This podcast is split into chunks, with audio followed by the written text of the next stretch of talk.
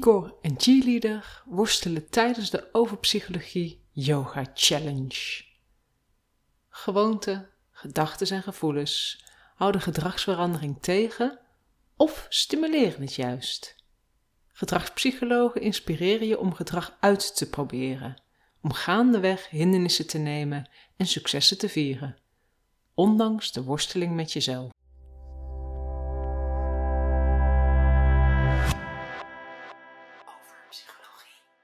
Hallo, ik ben Mirella Brok en je luistert naar het artikel Worstelen met jezelf van overpsychologie.nl. Al jaren probeer ik yoga een goede plek in mijn dagelijks leven te geven. Ik deed er anderhalf jaar over voor ik succes kreeg. Dus psychologie hielp mij bij die uitdaging. Ik ging het gewoon doen. Hoe beïnvloeden mijn gedachten en gevoelens mijn yoga-oefeningen in de eerste week van de challenge? Je luistert naar mijn persoonlijke worsteling.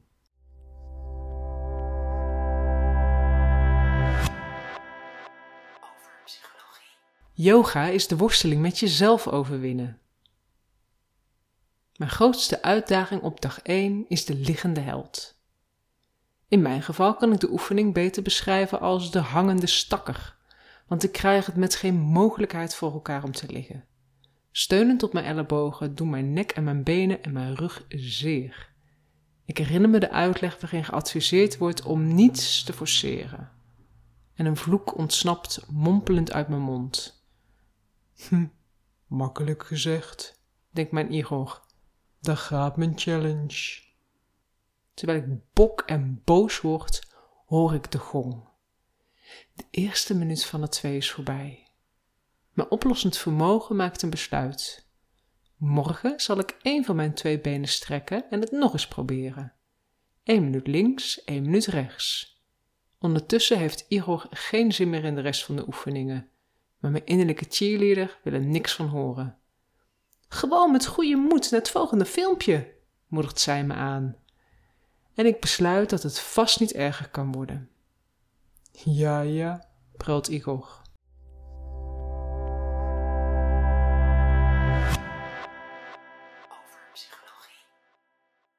Als mij somber tegelijk krijgt. Igor heeft gelijk. Ik heb 33% kans, want mijn opties zijn: het blijft erg, het wordt nog erger of het wordt beter. En aangezien het momenteel erg genoeg is naar de hangende stakker, heb ik dus 99% kans op negativiteit. En ik heb geluk, want ik ervaar het allemaal en meer.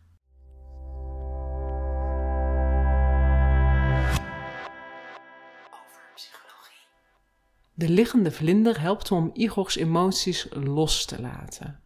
Gebroken kaas laat mijn benen tintelen, mijn voeten koud worden en Igor en de cheerleader kwetteren nog harder dan de vogels op de achtergrond.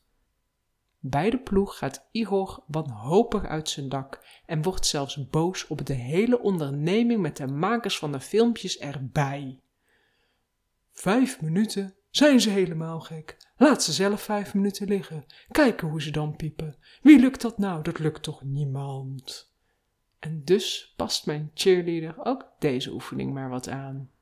Ah, probeer gewoon hoe ver je komt en dan doe je het zolang je het kan. Uiteindelijk blijkt de ploeg dan wel mee te vallen en was het drukmaken ervoor erger dan de oefening op het moment zelf. Ten slotte helpt de lijkhouding te relativeren. Nou, al met al een moeilijke eerste dag te noemen. En zo gaat het vaak met een yogales en een levensles. Op en af met vallen en opstaan. En al die andere clichés, denkt mijn Igor.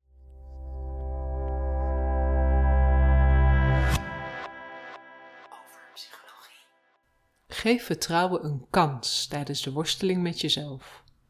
We hebben een I, we hebben een O, we hebben een G, we hebben een A, juicht mijn innerlijke cheerleader tegen Igor's dovermans oren.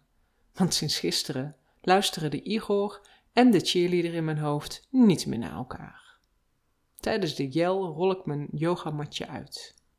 Het is niet de cheerleader die mij vandaag naar de yogamat beweegt. Het is een andere stem die me ingeeft dat yoga gaat over het proces. Yoga gaat zoals het gaat, zonder daar een orde aan te verbinden. En dus adem ik in en strek ik mijn armen boven mijn hoofd. Adem ik uit en buig ik voorover. Vast besloten om vandaag stemmen te negeren en mijn lijf te ervaren. Ik word meteen beloond met strak staande hamstrings.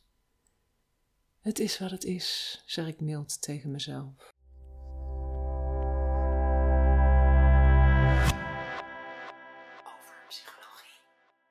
Een theoretisch uitstapje. Gedachten en gevoelens. Ja, dus samenvattend, ik voel me een hangende stakker, ik heb pijn en daardoor word ik boos. Maar ik heb ook moed en voel mededogen. Dat zijn mijn gevoelens. Naast mijn gevoelens heb ik verwijtende gedachten over filmpjes, oplossingsgerichte gedachten over de mogelijkheden en mijn competenties. Als je net als ik een worsteling met jezelf hebt, dan kun je jouw worsteling overwinnen op twee manieren. Je kunt mild zijn tegenover je gevoelens. Mindfulness en heartfulness inspireren je daartoe. Of je kunt je automatische gedachten bewuster aanpassen, zoals cognitieve therapieën leert. Hoe zit dat? Blijf luisteren.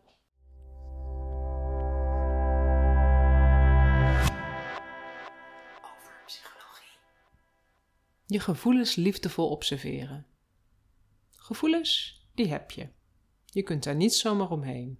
Maar je bent je gevoelens niet. Je kunt je gevoelens van een afstandje opmerken, zonder de wens om die gevoelens te veranderen. Tijdens de ploeg is Igor vooral boos. Hij mokt en verwijt.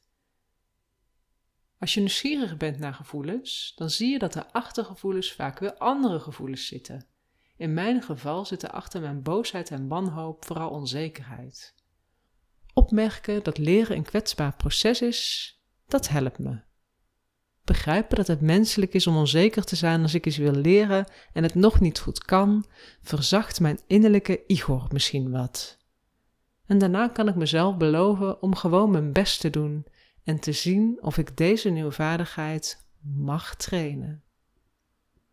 Nou ja, of ik blijf gewoon boos en ik verdraag dat. Dan accepteer ik in elk geval de worsteling met mezelf. En ook die worsteling gaat ooit voorbij. Tijd en afleiding in zulke gevallen zijn mijn vrienden. Wil je meer lezen over mailtje gevoelens ervaren? Kijk dan in het artikel bij deze blog. Klik op een van de links en ontdek inspirerende boeken. je gedachten bewust aanpassen. Niet alleen je gevoelens, maar ook je automatische gedachten zijn bij je. En ook voor je gedachten geldt: je hebt je gedachten en je bent je gedachten niet. Je kunt je gedachten vertragen, onderzoeken en omdenken. Een gedachte als: het is wat het is, ontkent of bagatelliseert lijden niet. Daardoor is die gedachte geloofwaardiger dan ja, zolang we een jel doen, wordt yoga gegarandeerd super geweldig, kikken, leuk. Tegelijkertijd is de gedachte, het is wat het is, hoopgevender dan, dat lukt toch niemand. Want daarmee is de gedachte, het is wat het is, een goede kanshebber om een helpende gedachte te worden. Misschien kan ik mijn gedachten nog een beetje persoonlijker en concreter maken. Bijvoorbeeld, Bijvoorbeeld, mijn spieren zijn op dit moment zo lenig. Hoewel me dat onzeker maakt voor de challenge, kan ik mijn stramme spieren wel accepteren.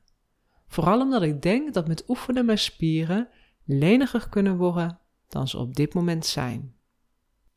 Ook over het vormen van helpende gedachten zijn vele boeken te lezen. Wederom, kijk in het artikel en druk op de links.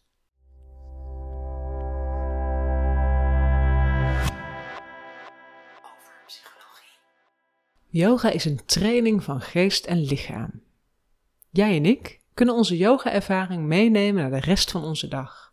Wanneer werk, persoonlijke relaties of ontwikkeling tegenzitten, dan zijn onze lichaam en geest dankzij yoga getraind om hier krachtig mee om te gaan. De succeservaring, meditatie of gedachtekracht kunnen we ook tijdens andere worstelingen herinneren. Nou, dat vind ik best mooi gedacht van mezelf. Ik rol mijn yogamatje op en kom als een oude dame omhoog omdat mijn rug zeer doet. Mijn rugpijn geeft me meteen een kans tot veerkrachtigheid. Maar Igor is langer mijn metgezel dan yoga. En daardoor komt de volgende gedachte op. Schijt toch uit. Ik ga niet mild zitten zijn naar mijn rugpijn. En dan zeker niet omzetten dat het is wat het is. Rugpijn is altijd stom. Gelukkig mag ik nog twee weken trainen voor de challenge. Yippie! juichen de enthousiaste cheerleader en een klagerige Igor in mijn hoofd. Yippie.